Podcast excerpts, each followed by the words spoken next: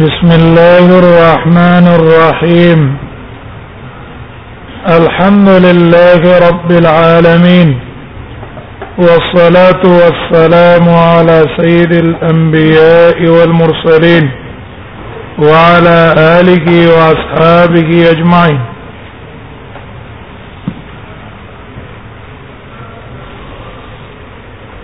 فقال حدثني حدثتني أسماء بنت زيد بن الخطاب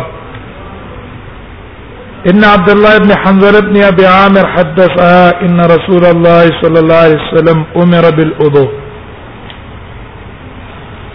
دته روایت صحابي دی صحابینا دا وی چې رسول الله صلی الله علیه وسلم ته امر شوی په او دسه نبی صلی الله علیه وسلم ته چې امر شوی په او دس هر مانځتا لكل صلاه هر مانځتا ک پالت طهارتي او غیر طاهر او یا په طهارت باندې نه دا امر د وجوب د پاره او کر امر د استحباب د پاره نو یو قول دا ده چې دا امر وجوبي او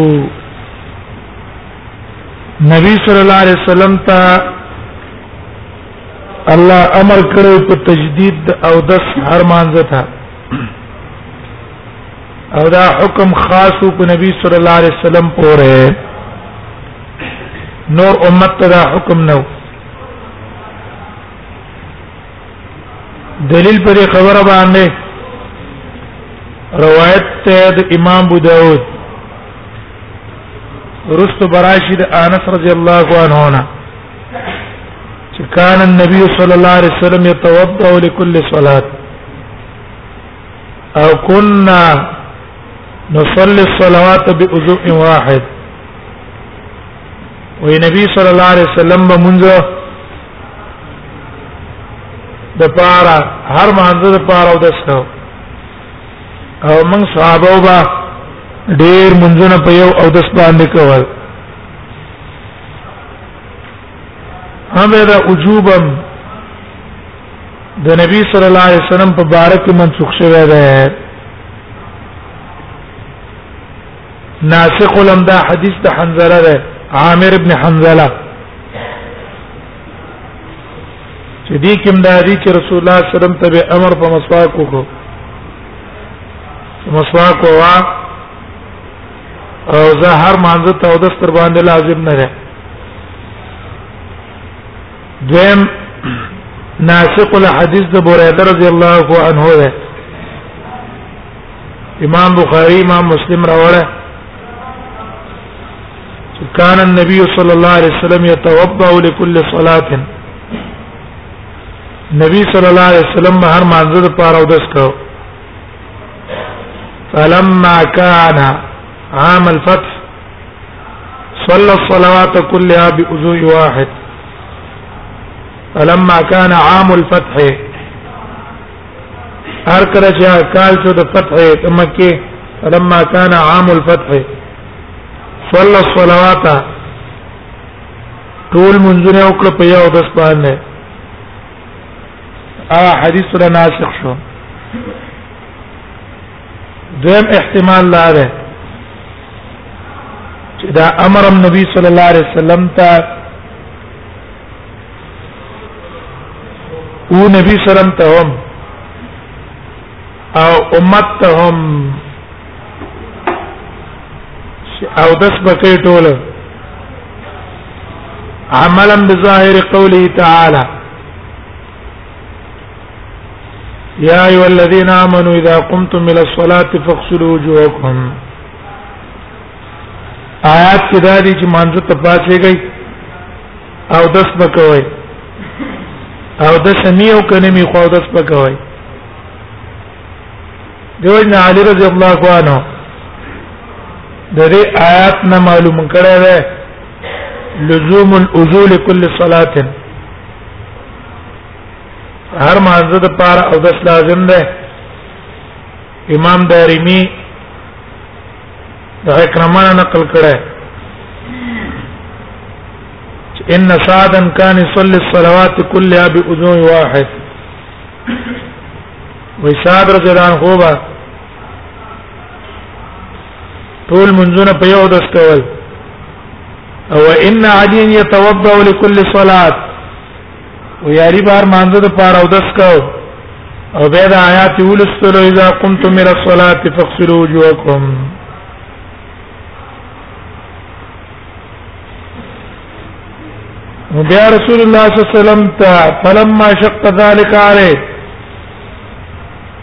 هر مانځه ته او دس کول نبی سلام باندې ګران شو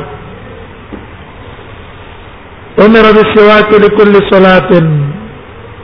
حکم وکړ چې هغه ته په ما مسواک کول هر مانځه ته هر مانځه د پاره پته سکے مسواک به استعمال ہے یا نبی صلی الله علیه وسلم ته امر په مسواک باندې شوه یا دا امر ده وجوبی على وجه الخصوصيه امت لپاره مسواک مستحب او د نبی صلی الله علیه وسلم لپاره مسواک وهل واجب دا بیا د او خصوصیاتو نشو چې د رسول الله صلی الله علیه وسلم خصوصیتو چې مسواک هغه لپاره فرض د امت لپاره مستحب دلیل پر خبره باندې حدیث ته امام احمد او ابن خزیمه راوړه امام حاکم تصحیح له ان النبي صلى الله عليه وسلم امر بالوضوء لكل صلاه طاهرا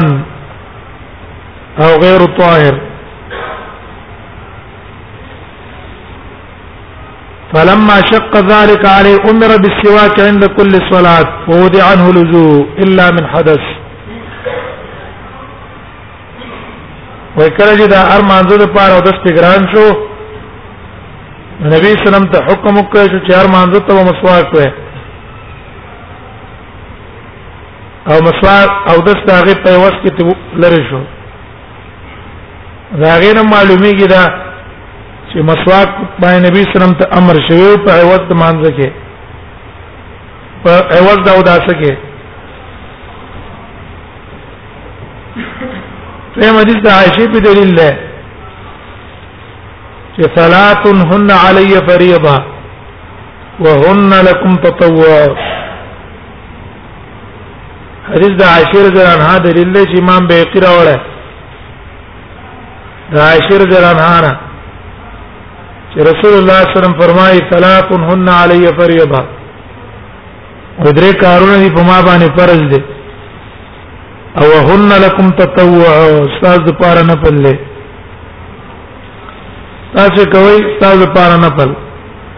په ما باندې دا غي کول فرض دي خامہ قاضي کوم یو د الوتر وتر وتر زما لپاره مستحب استاد لپاره فرض زما لپاره فرض استاد لپاره نفل سنت زم د مسواک او سواک وقيام الليل دا رسول الله صلی الله علیه وسلم مبارک فرض او د امت مبارک سنت ته زم احتمال دا دی چې عمره نبی صلی الله علیه وسلم ته چې امر په مسواک باندې شوی دی دا امر على سبيل الاستحباب دا امر على سبيل الاستحباب دلیل په حدیث د ابي امامه ده دلیل په حدیث د ابي امامه رضی الله عنه ده قال ما جاء لي جبريل الا اوصاني بالسواك وما ته جبريل نه هیڅ کلم نه راغله الا اوصاني بالسواك مگر ما ته وصیت کړې په بار د مسواک کې چې مسواک استعمالوا حتى خشيت ان يفرض علي وعلى امتي حتى خشيت ان يفرض علي وعلى امتي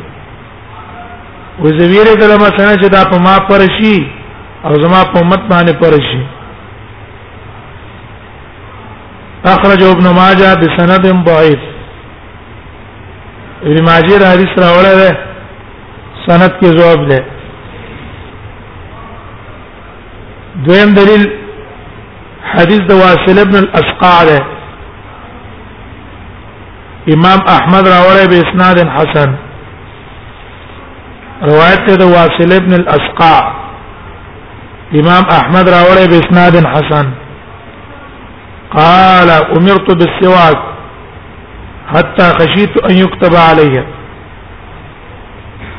وې زویر دلم عبارت مسواک کې وې ما تر دې چې زویر دلم چې ما باندې پرج نشي حتا خشیتو تر دې چې زویر دلم ان یكتب علی اسنه چې په دا ما باندې پرز نکړی شي هغه نه معلوم شو چې د نبی سلام په بارک کې دا سنتو فرض نه و امر بالسواک حکم توکل شو په مسواک هر مانځه ته فکان ابن عمر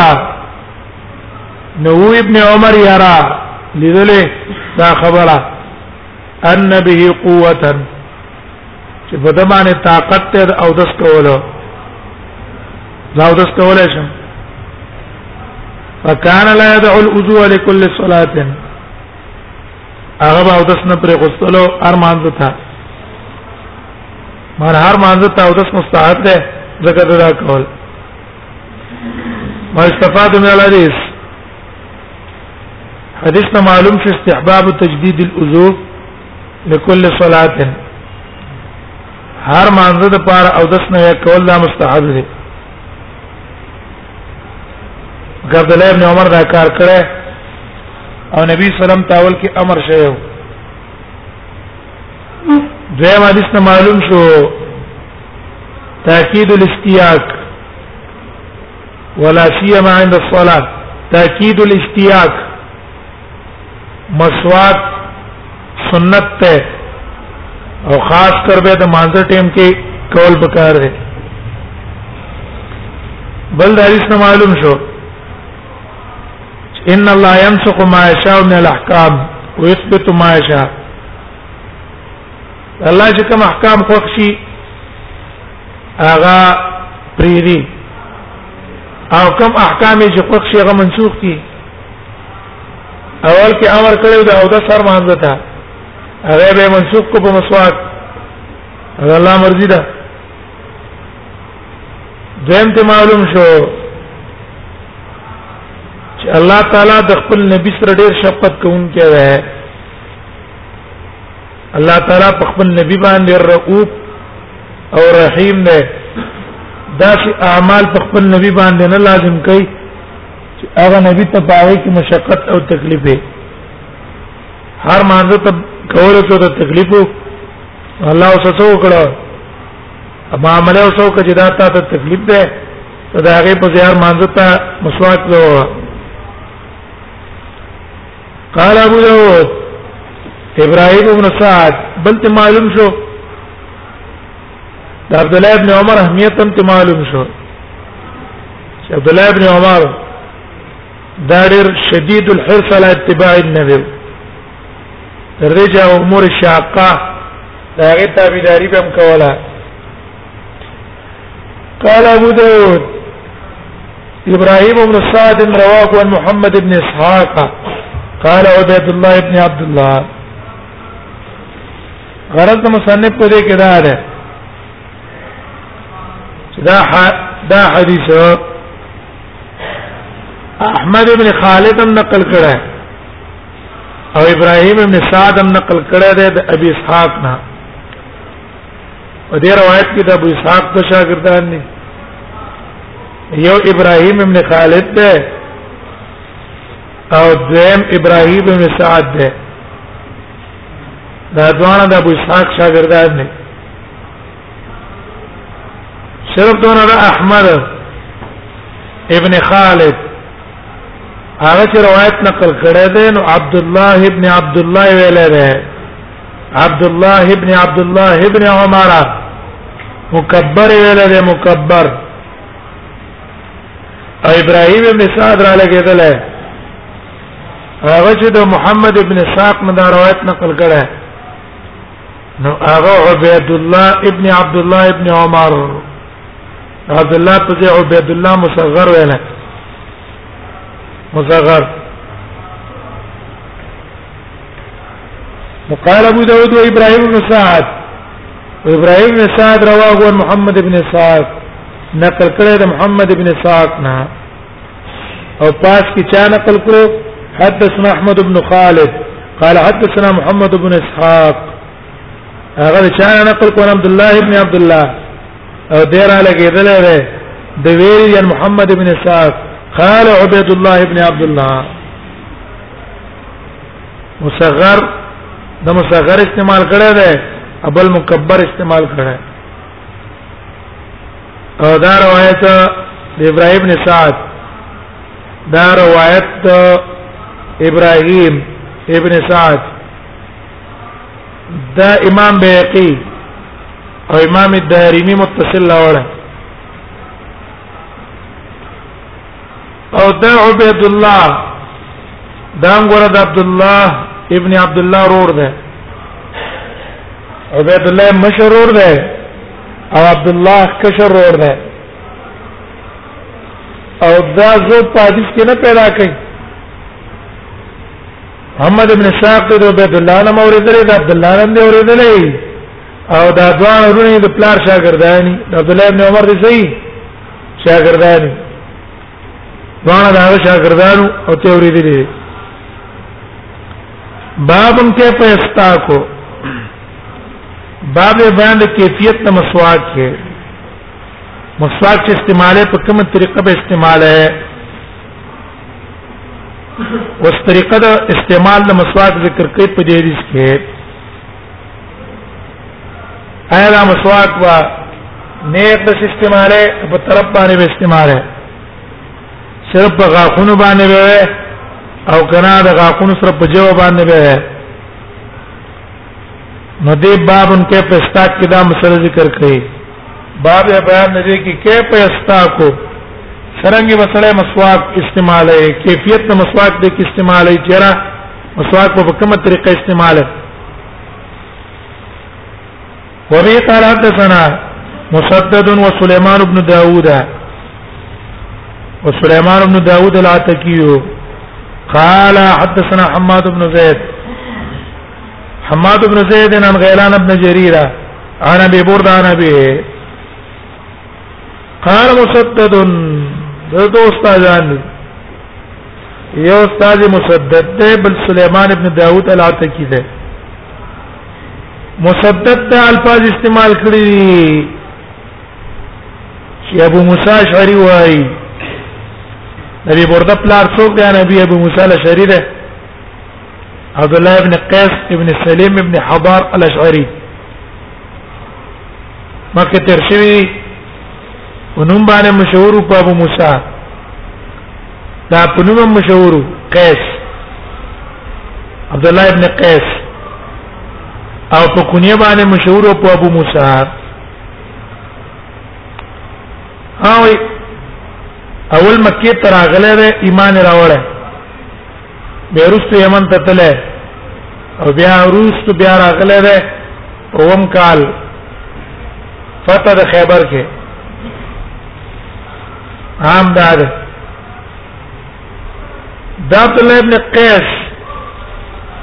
مسدد چې روایت نقل کړي نو په کې دا ویلې دي چې اتینا رسول الله صلی الله علیه وسلم نستحمله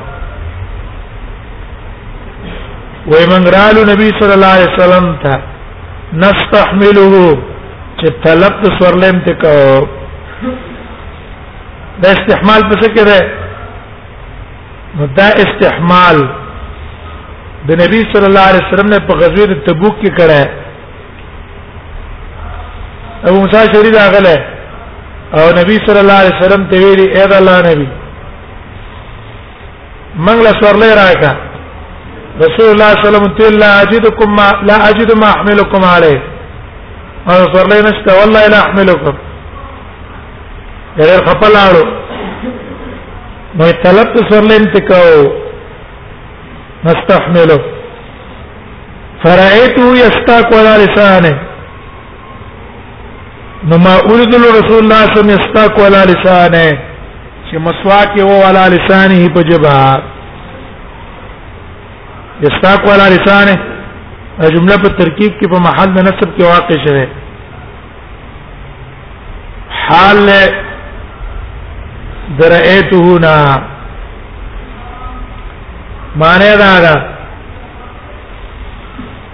معنا رايته حال كونه يستاك على لسانه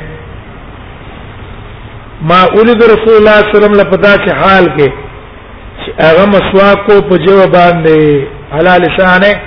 په جواب مسواک کو تولن وګدا جواب په جواب مسواک دن تعلق طرف ته او تعلق طرف ته طولا قید مسول ولا غو یستاق ولا لسان طولا ذکر روایت احمد کی دی وطرف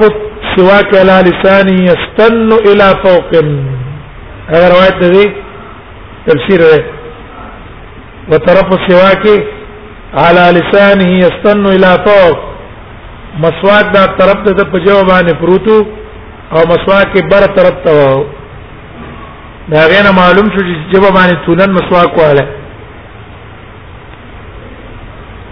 اسرائیل وای وهو يقول اه اه يعني يتهوى وي دی رسول الله صلی الله علیه وسلم جو یقول ویلی اه اه اه اه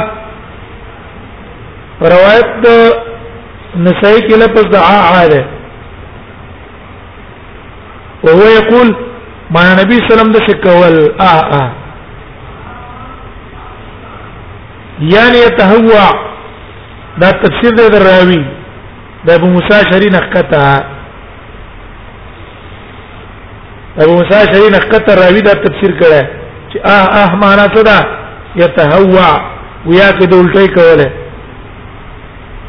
ها پر روایت بخاری کې ده کانه يتهوع ما غیر معلومه کې دا خبره د ابو موسی شری ده من کلام ابو موسی ده بیا ګوره په دې روایت کې اه اه ده اول حمزه ده به حاله په روایت کې صحیح کې عین مقدم ده په حمزه باندې ا ا عین مقدم ده په حمزه او روایت بخاری کې او او ده او او حمزه مخکې ده او بیا عین ده او او ده نو ابن حجر وايي دا روایت بخاری مشهور ده او او دا د اختلاف چې کوم دی روات چې کړه نو دا اصل کې بنا ده په تقا د وجه د تقارب د مخارج د احرف اه او اع دا ټول حروف حلق دي یو ځای نه ادا کیږي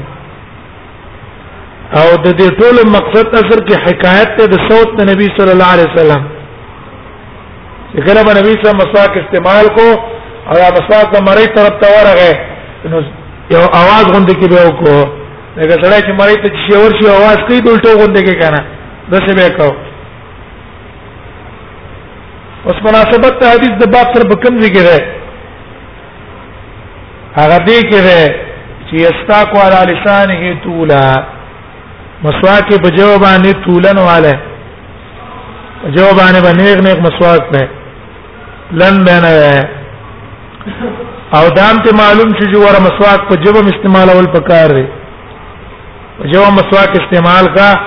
د دې لپاره چې کوم بلغم دی ریجو پراته دي هغه لري شي دویم د جوی د وجه نه غمرینه بلغم راکاږي چې هغه خارج شي اواز په یو سره شي ما استفاد من الحديث حديث يوم سلام معلومه شولا چې لا يختص السواك بالاسنان مسواک صرف په غاښونو پورې خاص نه دی چې صرف په غاښونو به مسواک وي بلکې مسواک په جواب باندې مې رسول الله صلی الله علیه وسلم په جواب باندې والے دویم ته معلوم شو چې انه من باب التنظیف والتطهير لا من باب ازاله القاذورات دا مسواک ور د باب تنظیف او د تطیب نه ده دا د قبیله ازاله القاذورات نه نه ده چې په دې باندې ګندګي ځای لګي بلکې دا د قبیله د خوشبوئی نه ده ولکه د باب د قبيله خوشبوې نه نه او د قاذورات نه نه رسول الله صلی الله علیه وسلم با خلق په مخ کې مسواک نه واله بلکې په پټه به واله او د خلق په مخ کې او او په پټه نه دی واله دا دلیل دی خبره چې دا د باب د تطیب نه ده دیو جنا ابن تیمیه رحم الله چې کوم قول کړه چیرې مسواک په چپ لاس وال په کار دی نه په خلاص او دا حدیث د عائشه استدلال کینه ولا چې رسول الله صلی الله علیه وسلم با خیلاس د پاک کوشینو د پاره ګرځاو او چپ لاس په ماکان من ازاو نو دا استدلال لاغه ټیک نه ده سیدار جدا د قبيله د چانه ده قبيله د تطیبات نه ده په خلاف باندې استعمال ولش بل ته معلوم شو جواز الاستياب بحضرة الغير یو تناظری ته دا په مخ کې مسواک پیدا جایز نه روانه ده رسول الله صلی الله علیه وسلم دا مسواک استعمال کو حضور د موسی شریکه بل ته معلوم شو مشروعیت السواک فی اللسان طولا مسواک په جبه کې پوکدوک ده زنیغ نه غبه هم په غاښونو به څنګه وي غاښونو کې بهتره طریقه دا ده بهتره لازم نه ده بهتره چې په پلنو باندې ووا د څه د سیمو طولن بلکې د څه د سیمو سواک استعمال ارغن چوته وي دلیل په حدیث د عائشه رضی الله عنها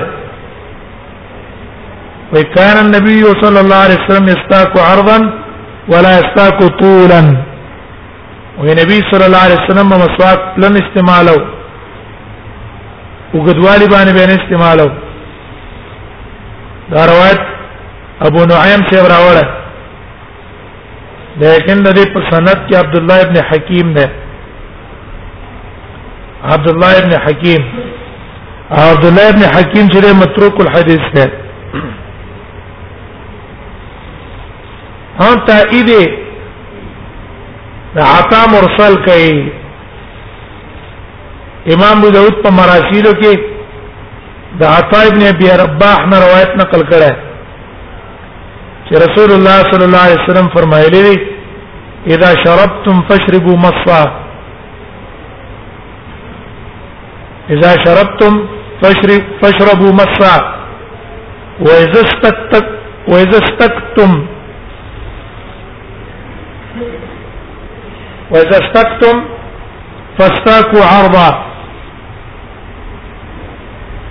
کله چې تاسو مسواک ووئ نو په پلنو باندې مسواک ووئ په دې سند کې محمد ابن خالد القرشي ده ابن القطان لا يعرف دا شاول الله سے حجت الله البالغه کی وای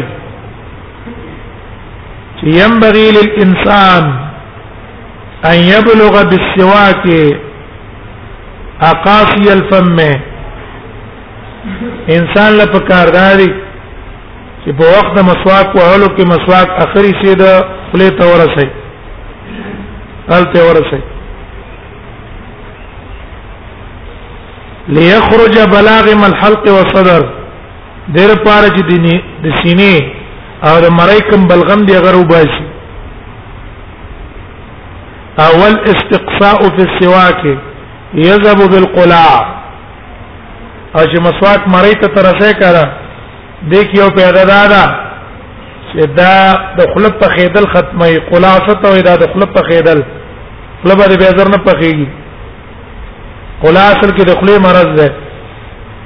دوم پیدا ده د وسط صوت اواز پاکي درم او یتیب النکها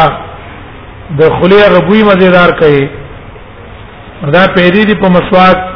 وهلو کې په جواب باندې چې ته اخر ته ورسه باب فی الرجل یستاق بسواک غیره باب بیان دی کې چې یو سره د پردې مسواک استعمالوي په اجازه راغه باندې دا مسواک استعمالول جایز دي کنه او حدیث د باب کې بدا ثابت شي چې پردې مسواک په وخت اجازه راکې جایز نه وبه قال سنا محمد بن عيسى قال سنا بسط بن عبد الواحد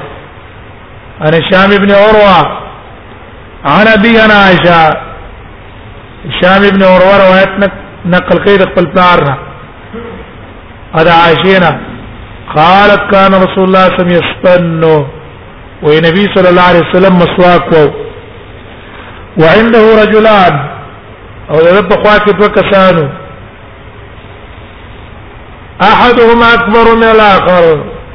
دا یو مشرو د بلنا فاوحي لي في فضل السواك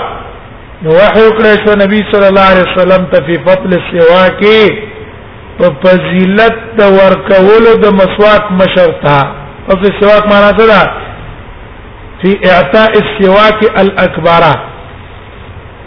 چې سره مشر ته مسواک ورکی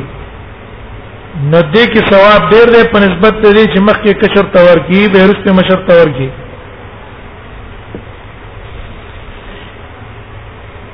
ان کبر چې ورکه مسواک مشر ته اعط السواك اكبرهما دا تفسیر شو کبر معنا دا ده چې ورکه مسواک مشر د دوانو ته په دې دواړو کې چې کم یو تن مشر دی هغه ته مسواک ورکا ظاهر حدیث ته وګورئ فاوحي الیه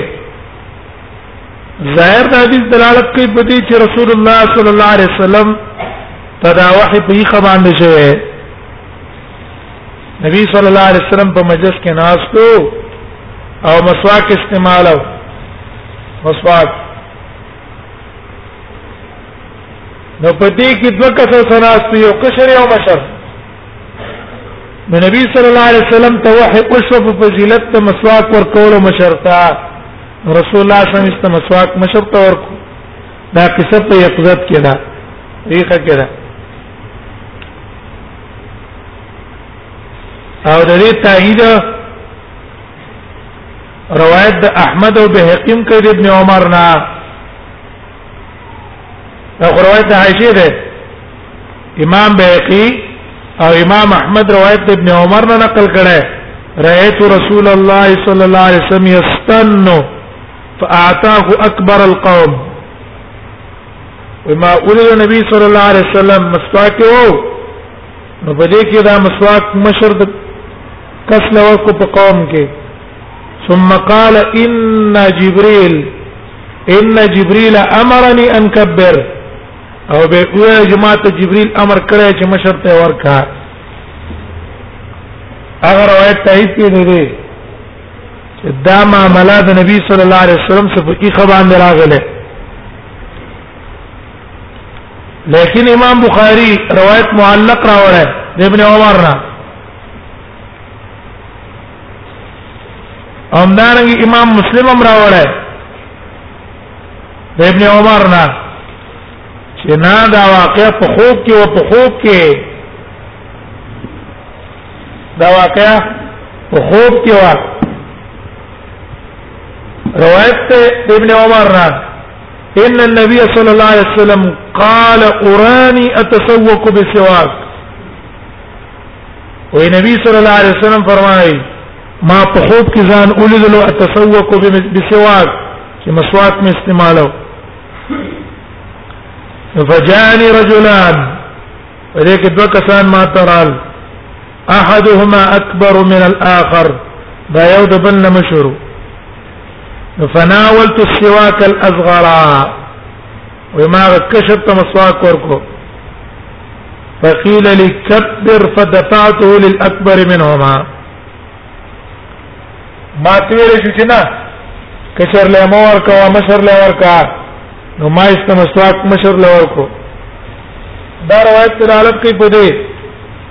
چې دا قصه نبی سلام ته په خوب کې راغله نو دوه روایتونو په منځ کې تعارض ده حافظ ابن حجر رحم الله فتح الباری کی تدبیس کړه وی نبی صلی الله علیه وسلم اول خوب لیدله خوب بیا د خوب نرستو په یخه کې او تدا واقع رااله چې دا کار وکړو نبی سم ته خپل خوب هم رايات شو لما وقع في اليقظه اخبرهم صلى الله عليه وسلم بما رآه في النوم لما وقع في اليقظه اخبرهم صلى الله عليه وسلم بما رآه في النوم تنبيها على ان امره بذلك بوحي متقدم ورته کې دا تنبيه وا چې ما دا کم کار چې کو ګره دا په مخ کې وحي باندې دا دا مخ کې نه ماته امر شوی د الله تر طرف نه ما استفاد من الحديث حدیث ته مسله معلومه شولا اما سره الباب کو معلوم شو کنه چې استاکو به سوا کې غیر ګو رسول الله خپل مسواک بل تور کو مشر تور کو هغه استعمال کو پردې مسواک استعمالول جایز شو دا په اجازه وختونو کې چې کومه خبره مشهوره ده چې د پردې مسواک استعمالول د شيزي لکه داغه اندام مخصوصه استعمالول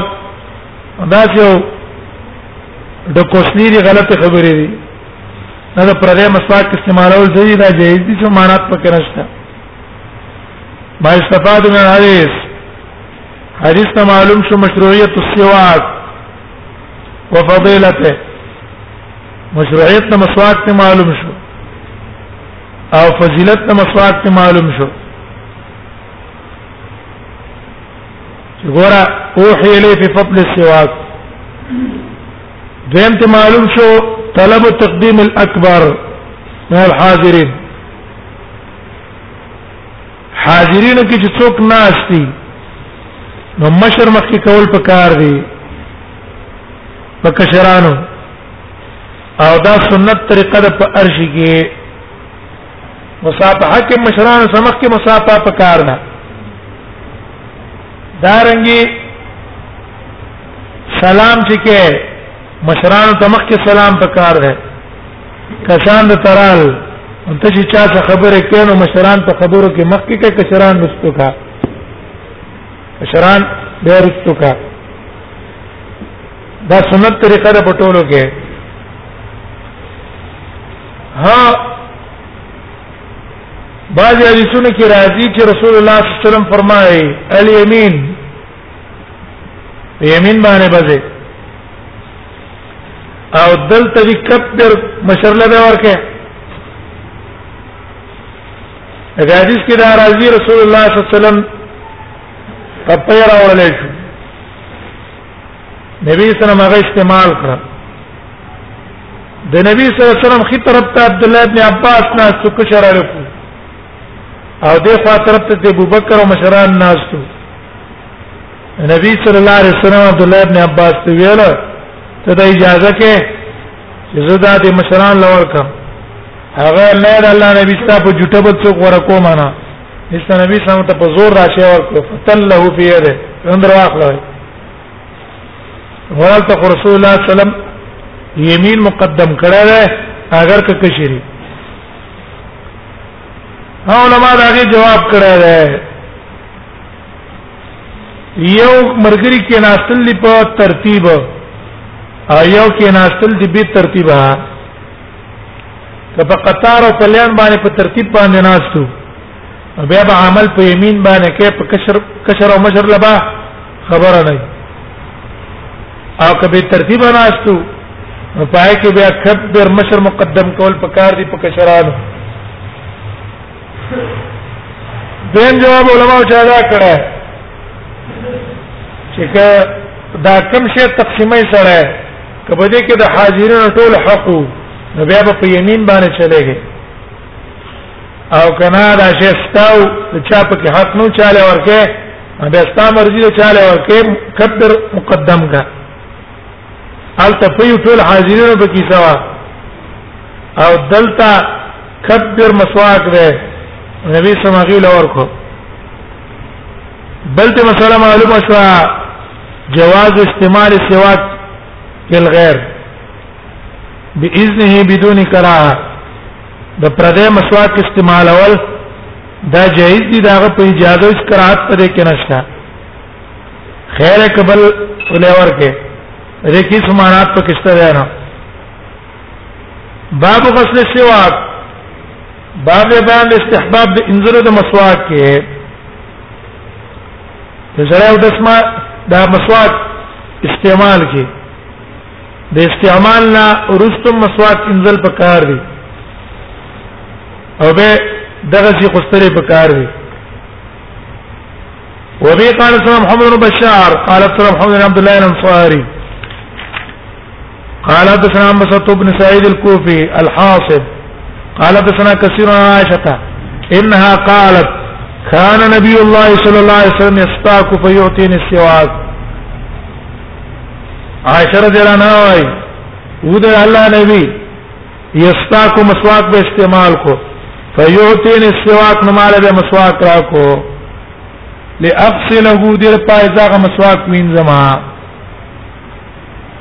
ويوتيني السواك ما له بیا کو چې دا وینځه فابدا به مستما به شروع کا په مسواک باندې سواک باندې ما شروع کړه ما نه مسواک به ما استعمال کو دا دې لپاره چې د رسول الله صلی الله علیه وسلم لاړې مبارکې دي هغه زما بدن ته لاړ شي فابدا به فاستاکو نو ما په پاګې باندې مسواک کوو ثم اغسله بیا به ملوینځو وادفعه الیه او بیا به دا مسواک نبی سلام ته ورکو په بل وخت کې دا وخت خیره دی ورکړه ذکر رسول الله مسواک واله خو دې له به ورکو چې دا ویم زو ویم ساته عاشر جان ها به وینځلو او به ساتو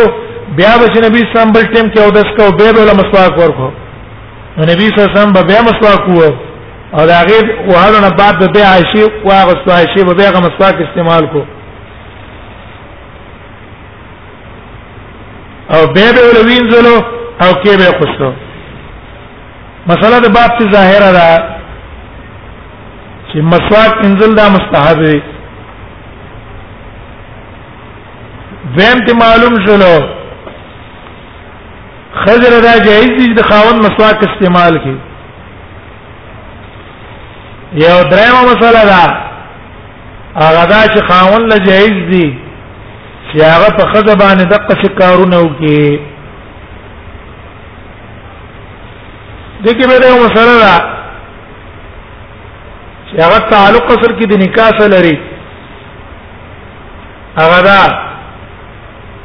ایا خزه باندې د خاون خدمت لازم نه کنه نه خزه باندې خاون خدمت لازم نه کنه اعمال البيت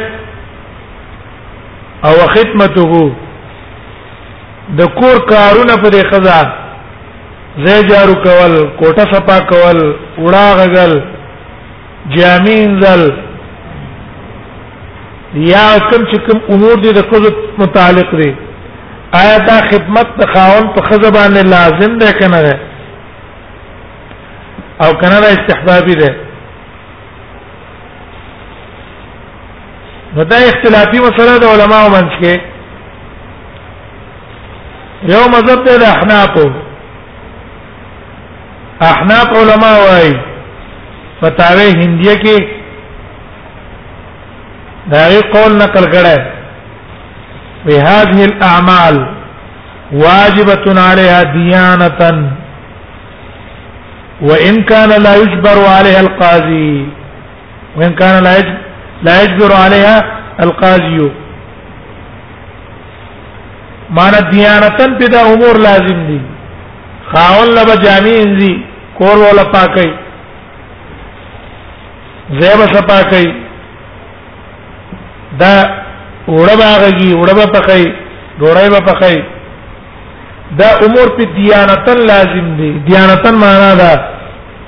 کدا کارونه نه کول ګناګار ده عند الله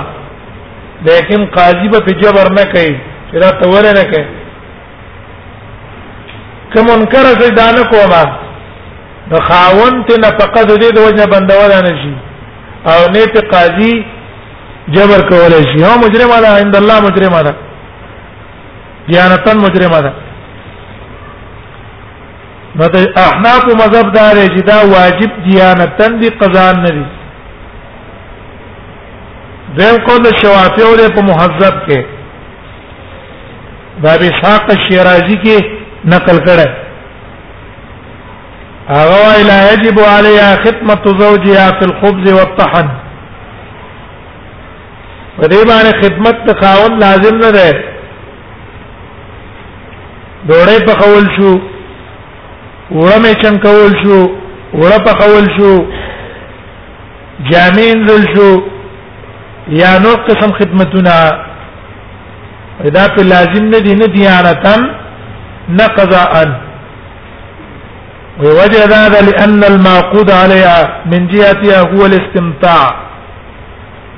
لأن المعقود عليها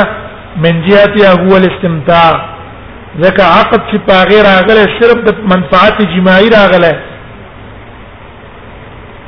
نو خدمتونه پکې نشته چې دا کارونه امر راکې فلا يلزم ما سواه نو د دې نه بغیر نور حقوق په دې لازم نه دي دغه څه قول د ابن حزم نه په محلا کې هم هغه پخله کول ډوړې راول او دا شینه پنستا ابن حزم وادلو کړه دې خبر نه څه خبرو زګه دا ډوړ تور لګولای دی تیار وړي ټول نه راوړي پخله بوله راوړي چا چې کوم شي کې نه یختنه هغه بیا په دې مسلو پوره پويږي نه کنه او چې خپل په سر شي نو ته پته ولګي دا هغه قصه خدا چې ده ادا مذهب ته حنابلو هم ده چې دا حقوق لازم نه دي نه دیانت نه قضاء ها کته کوي دا دې احسان ده دا نه کول مجرمانه ده درې مذهب ته مالکیانو ده وای که آسان کارونه هغه په لازم دي ابا کوي لکه وړا غل شو زه جارو کول شو لیکن میچن کول یا نور د شکران کارونه کول لا په لازم نه دي دې کې ابن تیمیه رحمه الله او ابو بکر ابن ابي شيبه ابو بکر ابن شيبه او ابو اسحاق الجزجاني د دې علماء مذهب دا ده چې په خزه باندې خدمت ته خاون واجب ده تر دې چې د خاون چې د مور او پلان نور څوک نه وو یارونه او ماشومان جنکې وي او هغه د تربيت څوک نه وو هم پر خاون د خزه باندې لازم دي داغه تربيت داغه خدمت ابم کوي اغي وای ان الخدمه عليها واجب ويجب على المرأة خدمة زوجها بالمعروف عن مثلها لمثله او امور معروفه په عرب کې دا دا چې خبر وړي پخې زه جارو کوي ماشومان تربيت کوي زمون تاسو په عرب کې دا خاوند مور خپلار چې څوک نه وي داغه خدمت کوي دا ټول مستاسو په عرب کې راځي نو چې په عرب کې کوم شی مشهور نو ابا کوي دا په لازم نه دیانتن په هم لازم ده قزان په هم لازم ده او دا قول راجح ده د وجه دلایلونه اول دلیل د وجه د رشحان حدیث د بخاری ده فاطمه رضی الله عنها فاطمه داراله نبی صلی الله علیه وسلم ته او د نبی صلی الله علیه وسلم له طلب ته خادم وکړو چې اې د الله نبی مال او خادم راکا او پاسات کې نو نبی صلی الله علیه وسلم بیا نبی صلی الله علیه وسلم کور ته ورغله او فاطمه څنګه راغله عائشه او ته چې فاطمه راغله پتا سره کارو او خادم یې نه غوښتو نبی سلام ورغه علی او فاطمه کور ته بابو علی ته چې د الله نبی دا میچن کوي میچن د وجنا لاس کې اثر شوی دی وبرا وړي وبو د وجنا په ولو کې اثر شوی زه جارو کوي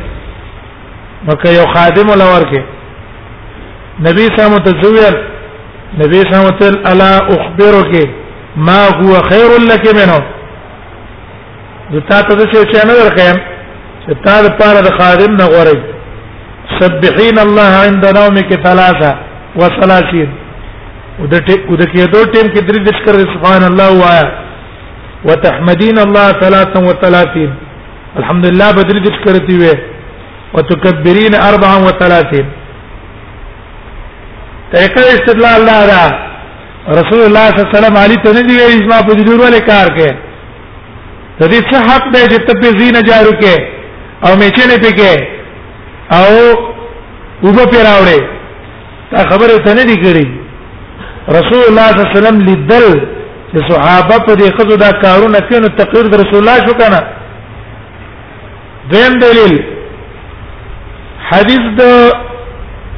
هغه دا اسماء بنت الزبير ده امام بخاری دا وړه اسماء بنت الزبير وايي تزوجني الزبير وما له في الارض مال ولا مملوك وې زه زبیر په نکاح باندې واغستلم او د زبیر د پاره مالو نو له غلامو ولا شيء غیر ناضح او نو له بل شی په غیر د یو اوخنه او غیر فرس او اسی یو کو یو اسو نو پای کې دي فكنت اعلف فرسه واستقي الماء